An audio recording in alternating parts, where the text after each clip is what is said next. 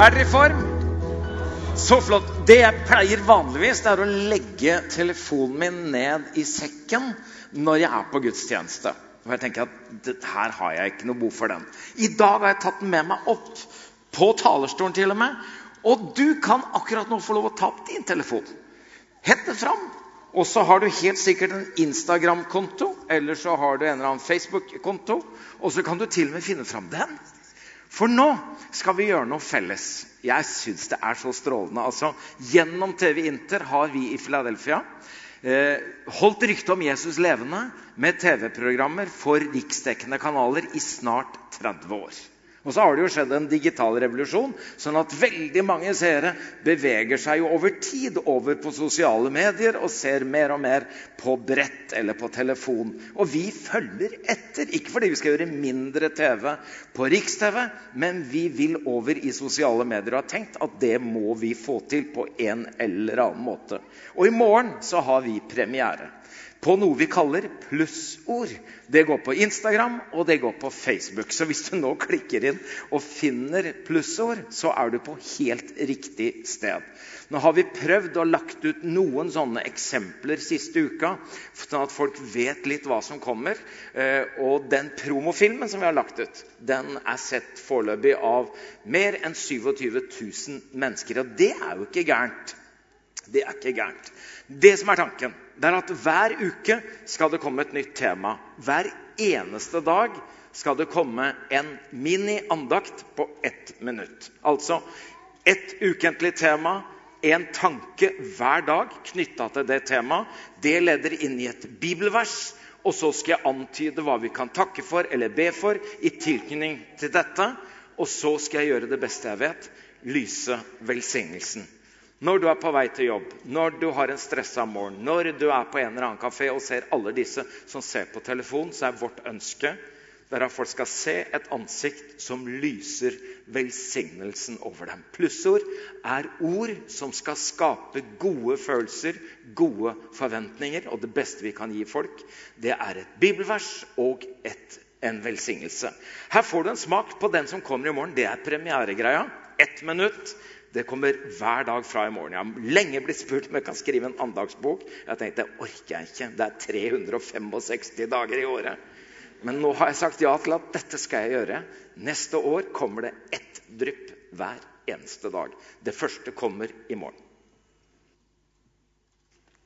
Førstkommende søndag er det allehelgensdag, og mange går på gravlund og i kirka for å tenne lys og minnes våre kjære. Og jeg håper at denne ukas plussord kan være et slikt lys som gir deg små glimt av håp. Så lenge det er liv, er det håp, heter det. Men det er minst like sant motsatt vei. For så lenge det er håp, er det liv. For det er jo håpet som gir livet retning og fyller det med mening. For håp er tro knyttet til framtiden. For jeg vet hvilke tanker jeg har med dere, sier Herren. Fredstanker og ikke ulykkestanker. Jeg vil gi dere fremtid og håp. Så i dag kan vi be Gud om at han gir oss en tro som tåler livet, og et håp som overlever døden. Herren velsigne deg og bevare deg. Herren la sitt ansikt lyse over deg og være deg nådig. Herren løfte sitt ansikt mot deg og gi deg fred. Hver dag ett minutt. Det håper jeg du vil se. Jeg håper du vil like det. Jeg håper du vil følge. Og så håper jeg mest av alt at du vil dele. Håpet vårt i TV Inter er at vi gir folk et godt verktøy ved å spre ryktet om Jesus til naboer, venner, slektninger, kollegaer. Rett og slett ønsker vi å gjøre dette så relevant og åpent at det angår mange, og at det er så tydelig at det berører når folk ser. Så altså, i morgen er premieren, og det første av 365 drypp som kommer. Hver søndag blir det en oppsummering av de seks tidligere dagene. Da blir det ca. fem minutters andakt hver søndag, men hver dag ellers blir det ett minutt. Herre, jeg takker deg for at du åpnet dørene til Riks-TV for oss for så mange år siden. Og du har klart å holde denne døra åpen til i dag. Og nå ber jeg deg for dette, at det bare må være begynnelsen på nye, nye konsepter i nye medier, så vi kan nå dette folket med rykte om deg. Jeg ber i Jesu navn om at plussord må gi folk en smak av himmel og et glimt av håp i hverdagen. Det ber jeg om i Jesu navn. Amen. Takk skal dere ha.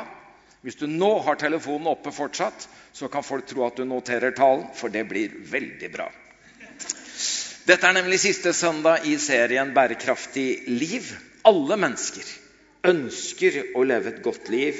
Og rundt oss er det utrolig mange mennesker som mener seg å vite hvordan vi kan oppnå det. Men som kirke så tror vi at det er Bibelen som gir oss den beste veiledningen på hvordan vi best kan beskytte det gode livet mot destruktive krefter som både vil bryte ned og ødelegge det gode livet. Bibelens visdom og veiledning til oss betyr ikke nødvendigvis at uh, det blir det enkleste og mest behagelige livet. Men vi tror at det er det livet som eh, hver og en av oss er skapt til å leve. Det er jo alltid fristende å eh, gjøre valg som gir en slags rask avkastning og nytelse på kort sikt, mens vi tror at det gode livet det formes av det vi gjør helhjerta over tid. Derfor har vi kalt denne serien for 'Bærekraftig liv'. Og I denne serien ligger det to budskap. Det ene er at eh, det er bærekraftig når vi velger Bibelens veiledning for best mulig liv for flest mulig mennesker. Og Det andre budskapet er jo at kjernen i evangeliet ikke egentlig handler om vår kraft til å bære, men Guds nåde og kraft som bærer oss. Det har vi altså kalt bærekraftig liv, og vi har berørt temaer som sex, det talte Erik Andreassen om, forvaltning og forbruk talte Daniel Egli om, Hanne Ovidia Platsen talte forrige søndag om klima. Og så er det min oppgave i kveld å tale om relasjoner, og har kalt det bærekraftige relasjoner. Og alle talerne i denne serien de har tatt utgangspunkt i skapelsen. For der finner vi opprinnelsen og hensikten med hvorfor Gud har skapt verden, og hvilket forvalteroppdrag som han har gitt menneskene. Og Da begynner jeg også der og sier at Gud er en relasjon. Altså at Gud er et vi. Hvordan kan vi vite at Gud er kjærlighet? Kjærlighet kan jo ikke bare bestå i én. Kjærlighet oppstår jo alltid i relasjon.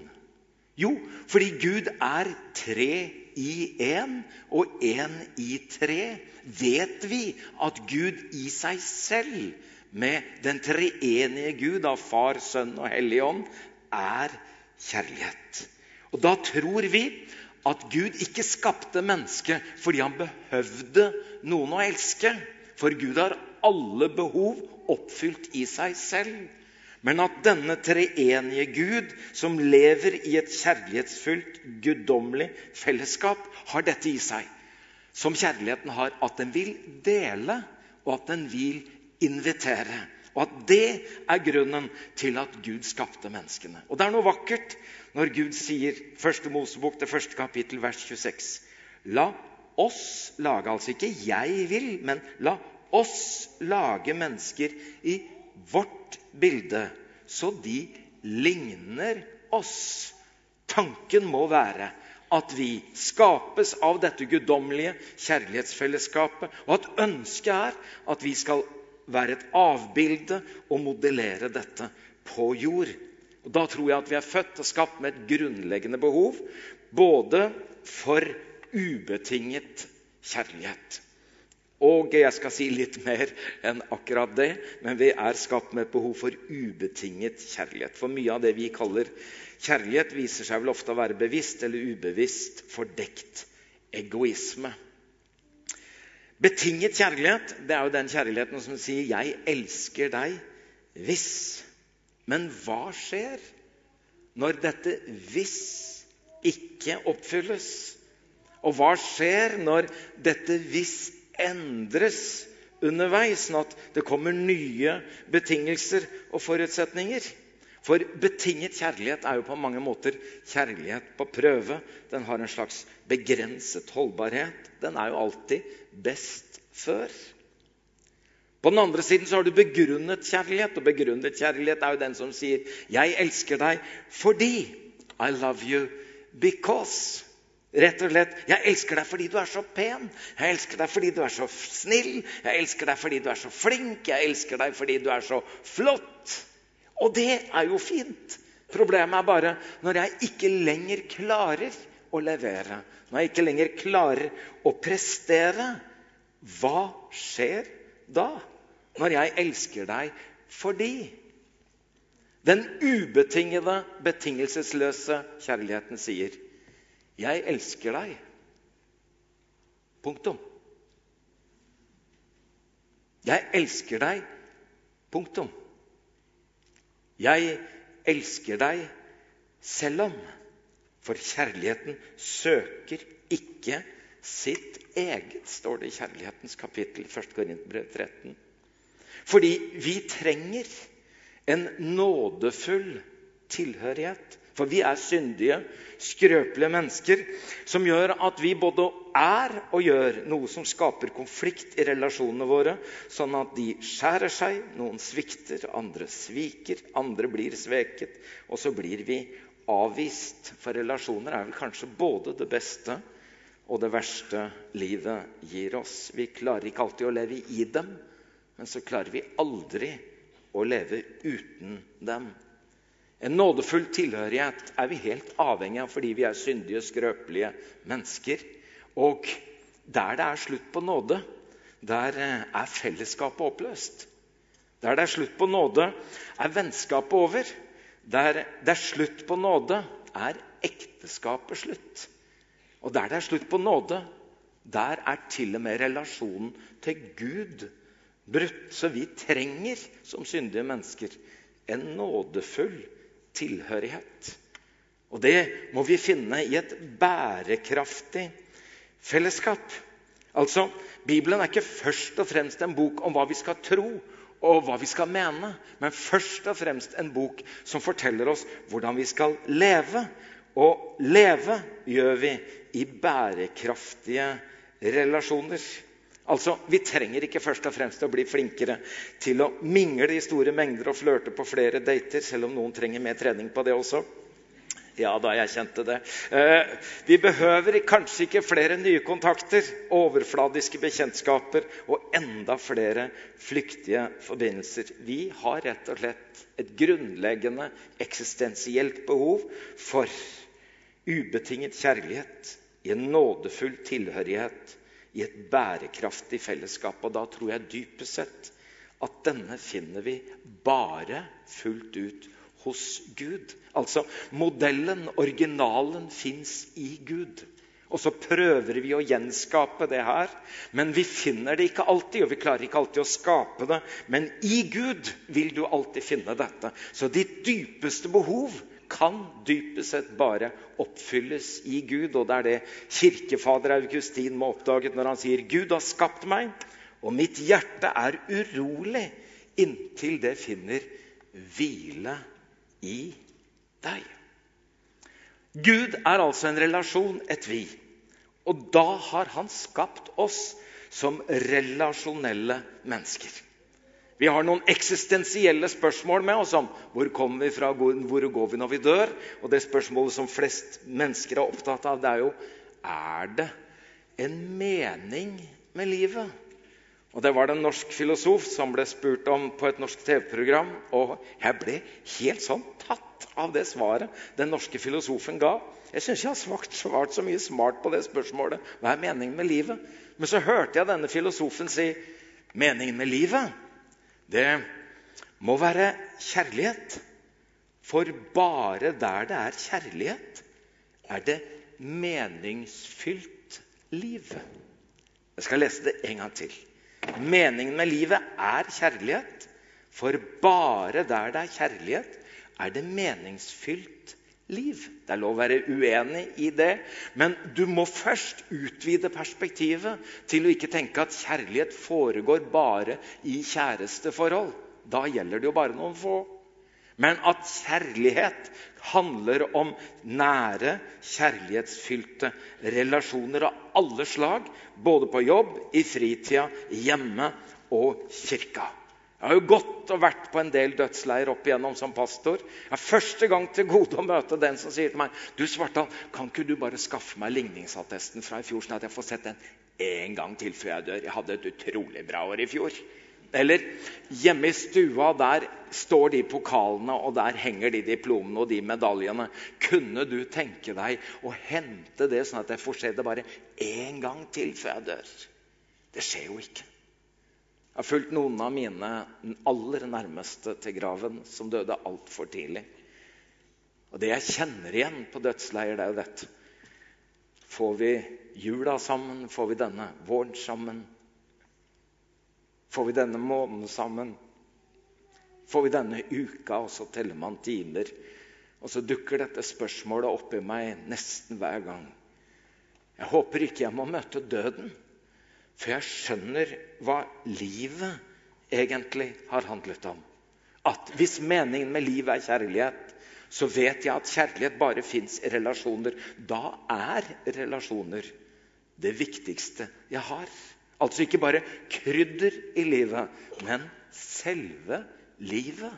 Så opplevelsen av å ha levd, ikke nødvendigvis et lett, ikke nødvendigvis et enkelt liv, men et rikt liv vil handle om hvem lot jeg meg elske av? Og hvem har jeg fått elske gjennom livet? Nå skal ikke jeg gi denne norske filosofen all ære, for det fins jo en slags grunnleggende modell her. Og det er en lovkyndig fariser som kommer til Jesus for å sette Jesus fast, egentlig, som spør Jesus hvilket bud er det største i loven. Det er som å si Si meg hva som er viktigst, da. Da svarer Jesus i Matteus 22, vers 37-40.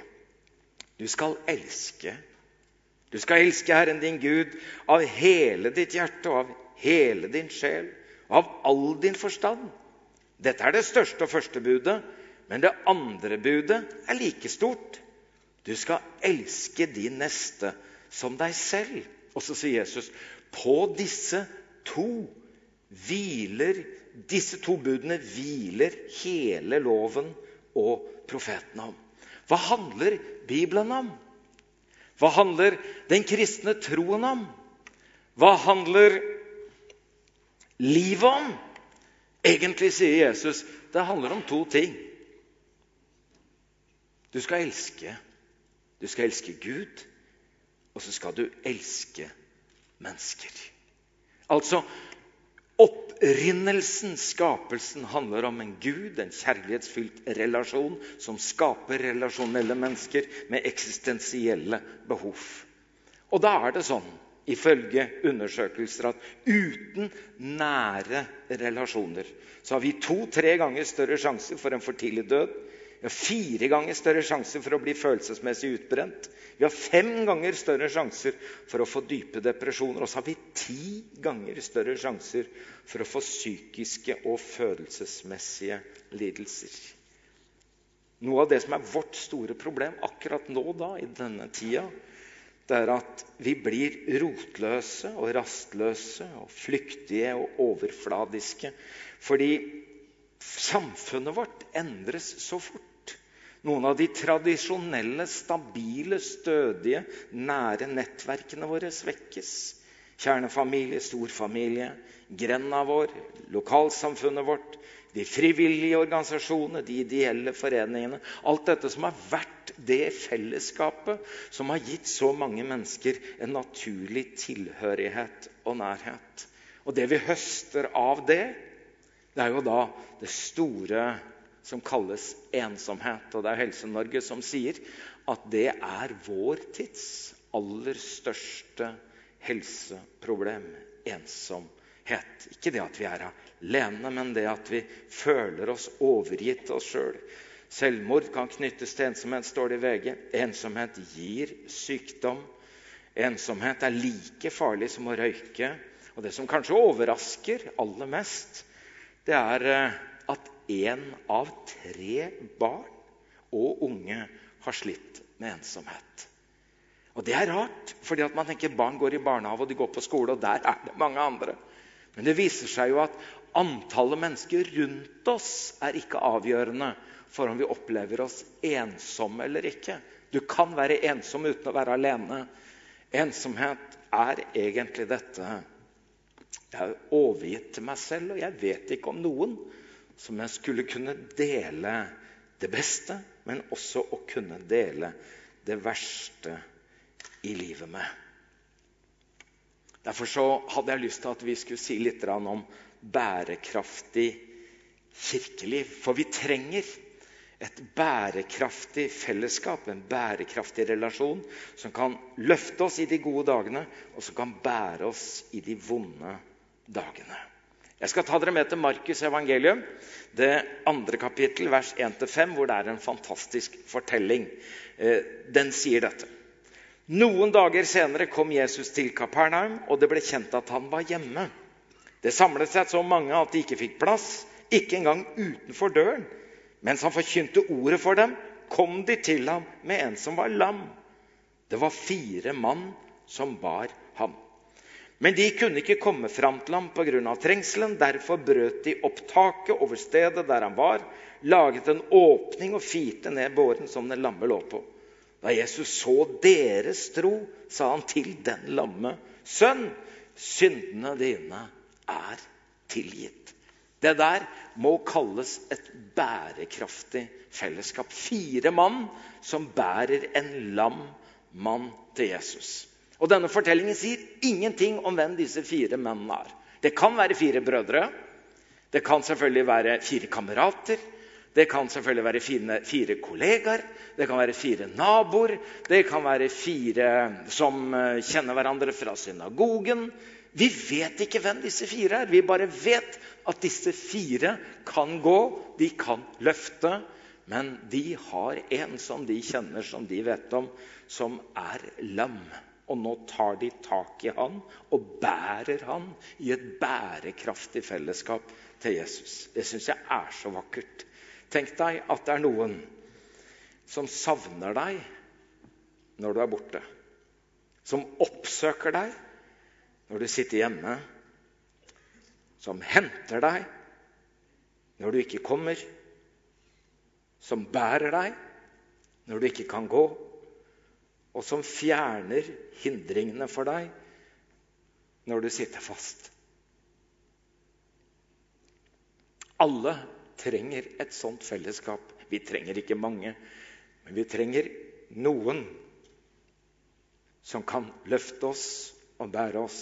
Ja, alle er jo ikke lamme i beina, men det kan hende utrolig mye i et menneskets liv som virker så lammende at vi trenger noen som bærer oss i sine bønner, bærer oss fysisk eller psykisk, sosialt, åndelig i faser av livet hvor vi ikke er i stand til å gå sjøl.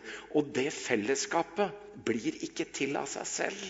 Det må bygges, og det må skapes. Og Jeg tenkte at jeg hadde lyst til å si litt om dette bærekraftige livsfellesskapet. Og bare gi deg fem gode innspill på hva det kan være. Nå kan du tenke at dette er fem lag eller fem nivåer, eller sånn at du velger nærhet, eller du velger hvor mye du vil involvere.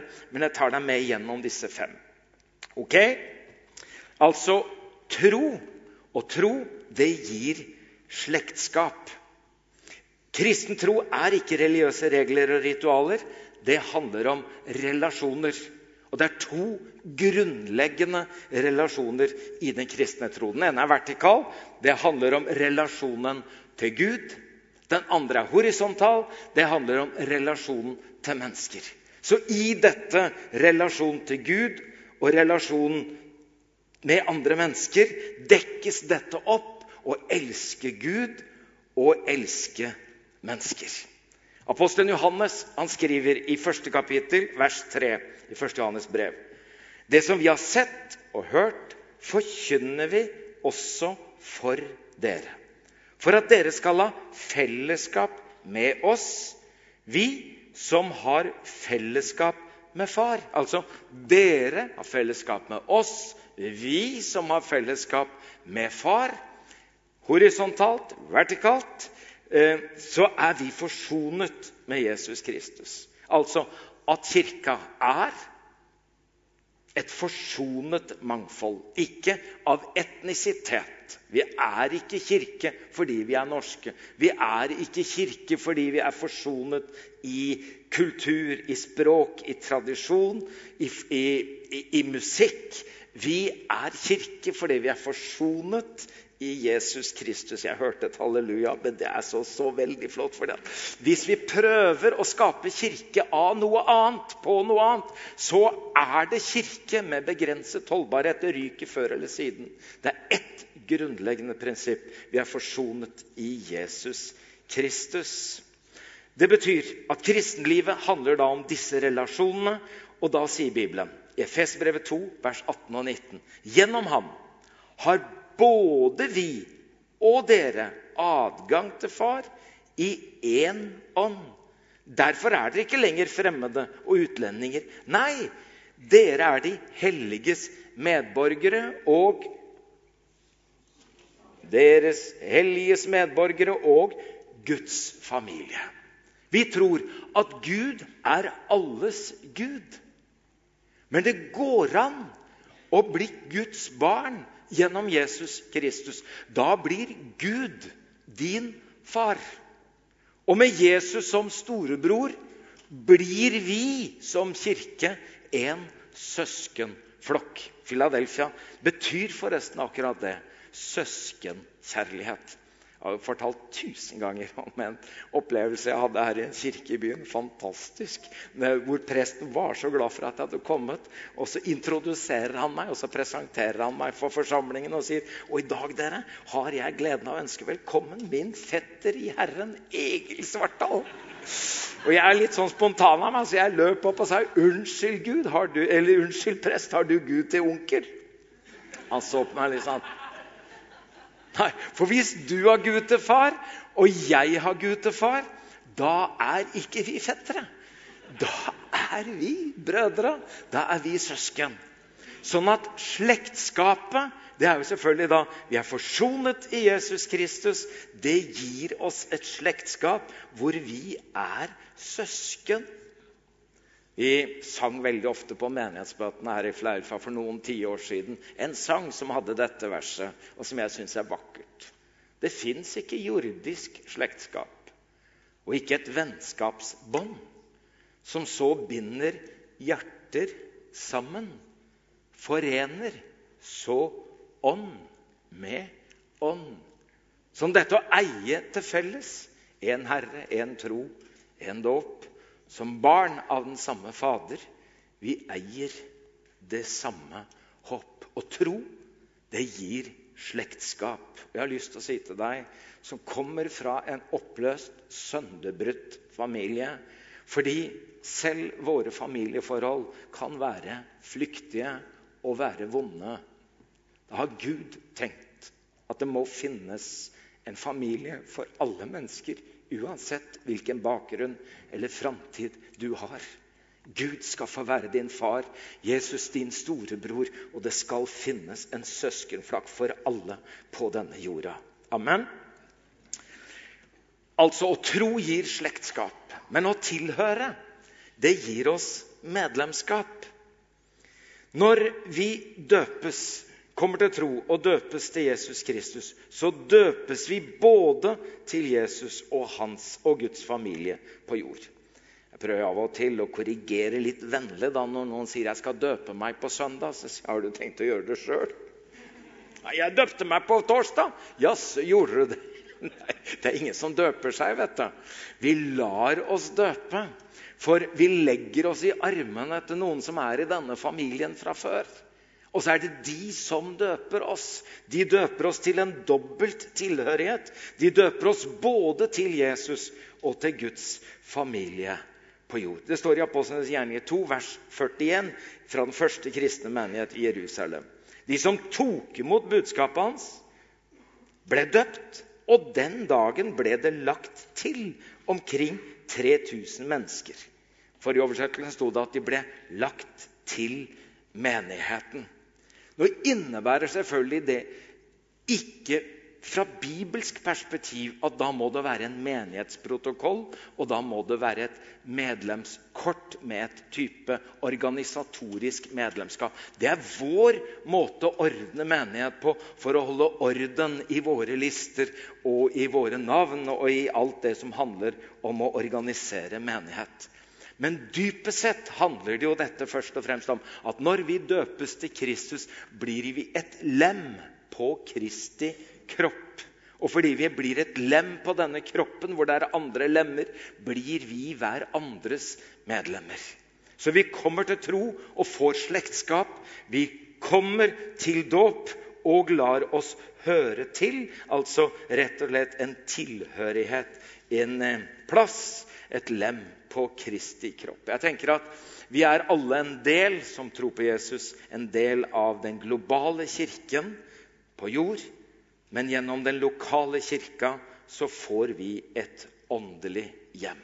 Og Jeg syns det er fint å gå på besøk i andre kirker, få lov å smake litt på andres kultur og andres spiritualitet og uttrykk. Jeg har nettopp vært i Israel i noen dager og bodd i et kloster i Jerusalem. og Vært på messe med nonner, og det er jo bare vakkert og nydelig. Men én ting er jo å være på besøk og være gjest. En annen ting er å vite nå er jeg hjemme. Her hører jeg til. Jeg har lyst til å si til deg som går litt rundt og er egentlig gjest mange steder Vi verver ikke medlemmer, men jeg unner for din egen del at du skal vite denne kirka eller denne kirka, det er mitt åndelige hjem. Her hører jeg til. Amen. Det tredje det er at å dele gir vennskap. Det er jo Noe av det aller første vi prøver å lære barna våre, det er å dele. Og det er jo et kjempeprosjekt. Og det er jo bare én ting som er verre enn bortskjemte barn. Det er jo bortskjemte voksne. For det der å dele, det har vi veldig vanskelig for. Men det er faktisk sånn at det er en grunnleggende betingelse for vennskap. Og John Wimber har sagt, og blitt sitert mange ganger på det Det kan være tusen grunner til at mennesker kommer til menigheten. Men det er bare én grunn til at de blir. Tusen grunner at de kommer. Bare én grunn til at de blir. Det er at de får venner. Og Dette med å få venner handler jo da om å kunne være i situasjoner hvor vi deles, deler. De første kristne, det, om dem står det at de holdt sammen, og hver dag samlet de seg trofast på tempelplassen. Hjemmene brøt i brød, og de spiste sammen med oppriktig og inderlig glede. De hadde det store fellesskapet på tempelplassen. Så hadde de det nære fellesskapet i hjemmene. Og det står at hele flokken av troende var ett i hjerte og sinn, og ingen kalte det han eide, for sitt eget. De hadde alt felles. Nå har det selvfølgelig først og fremst for oss vært et uttrykk for at de hadde felles økonomi, og at de hadde felles så mye av det praktisk økonomiske. Men under det må det jo være at din sorg også er min sorg. Din glede er også min glede. Din erfaring må få lov å være min erfaring og bli meg til del. Og min nådegave og mine gaver må få lov å bli deg til del. Og da er vi nødt til å møtes på en måte hvor vi kan dele. Og I denne sammenhengen, i den store sammenheng så er det jo bare noen få som kan dele. Noen få som synger, noen få som taler. Men i hjemmene og i de små fellesskapene så kan vi alle være med og dele. Det neste handler om at det å tjene, det gir eierskap. Det er jo noen som omtaler, og jeg blir like glad hver gang når noen sier Philadelphia er min kirke. Det er min menighet. For meg er det et uttrykk for eierskap. Det er ikke bare noen andres menighet, men det har blitt min ved at jeg selv er med og bidrar. Jeg selv får være med og tjene. Jeg selv får være med og gi på ulike måter. Og Bibelen bruker jo dette uttrykket hverandre om å tjene hverandre, om å be for hverandre, om å ha omsorg for hverandre, og ta imot hverandre og hjelpe hverandre. Og I Efeserbrevet 4, kapittel, vers 16, så står det Fra ham kommer hele legemets vekst Det sammenføyes og holdes sammen av hvert støttende bånd, alt etter den oppgave som er tilmålt hver enkelt del, og slik vokser legemet og blir bygd opp i kjærlighet. Jeg har jo vært i Filarfia i så mange år og tenker at vi gjennom mange tiår har vært veldig gode på det som skjer her oppe. Vi har hatt mye flott sang og musikk, og vi har hatt mange gode gudstjenesteledere og mye bra forkynnelse. Syns jeg virkelig at vi har hatt. Det vi har blitt mye bedre på, det er det som skjer her nede. Og all ære ikke minst til deg, Andreas, som har bygd så gode strukturer og fått så mange gode verktøy for at flere mennesker kommer i tjeneste. Ikke fordi at du skal brukes og misbrukes. For vi sier veldig ofte at antageligvis trenger du tjenesten mer enn at tjenesten trenger deg. Den beriker ditt liv. Jeg spurte han Ovidia forrige dagen hvor mange frivillige medarbeidere som er registrert i Philadelphia nå. Og i Philadelphia-kirkene sier hun at nå har vi registrert ca. 1450 frivillige medarbeidere. Det betyr at det er veldig mange mennesker som bidrar på ulike områder. Og vet hva alle disse har felles? De kjenner eierskap. Dette er min kirke. Dette er min gudstjeneste. Dette er jeg med. Ikke bare fordi jeg får, men her er jeg med og gir. Og det skaper dette eierskapet. Og Derfor sier vi i Philadelphia og kirka at eh, fellesskapet hos oss det er storfellesskapet i gudstjenesten. Det er småfellesskapet i hjemmene. Og så er det tjenestefellesskapet. At alle som gjør tjeneste, skal være en del av et tjenesteteam, ha en tjenesteleder og ha en hovedleder for den tjenesten. Det er supert. Det siste punktet kommer nå. Da kommer Jaraldsen opp. Det er hans signal. Vetle og gjengen. Og da tror folk at talen er over. Og det er den ikke. Jo da, den går snart inn for landing. Jeg syns det er noe vakkert å kalle kirkefellesskapet for et livsfellesskap. Og hvis jeg nå sier at det ikke er der det begynte, men at det er der det skal få lov å fullendes, så er det at det er kjærligheten som skaper dette livsfellesskap. Jeg har lyst til å tenke om det som et levende fellesskap. At det ikke først og fremst er en organisasjon, men en organisme. At det er et livgivende fellesskap. At jeg henter liv og livskraft. Og så får jeg lov å tenke at det er et livslangt fellesskap. Dette fellesskapet vokser jeg aldri ut av, blir jeg aldri for gammel til. Jeg har vært gift med kona mi i mer enn 40 år. og Jeg liker å kalle henne min livskamerat. Jeg kunne kalt henne elskerinne, men det er jo litt for sjelden, da.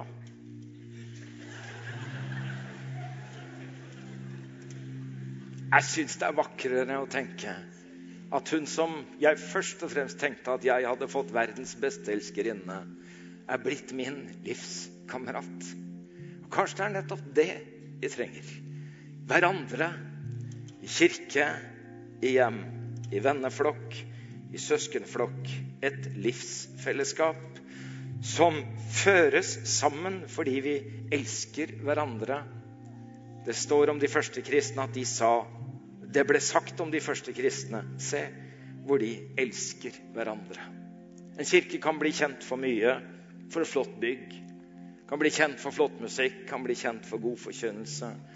Jeg har én drøm om Philadelphia, at vi skal være kjent for én ting. At det kunne være menighet med det store hjertet.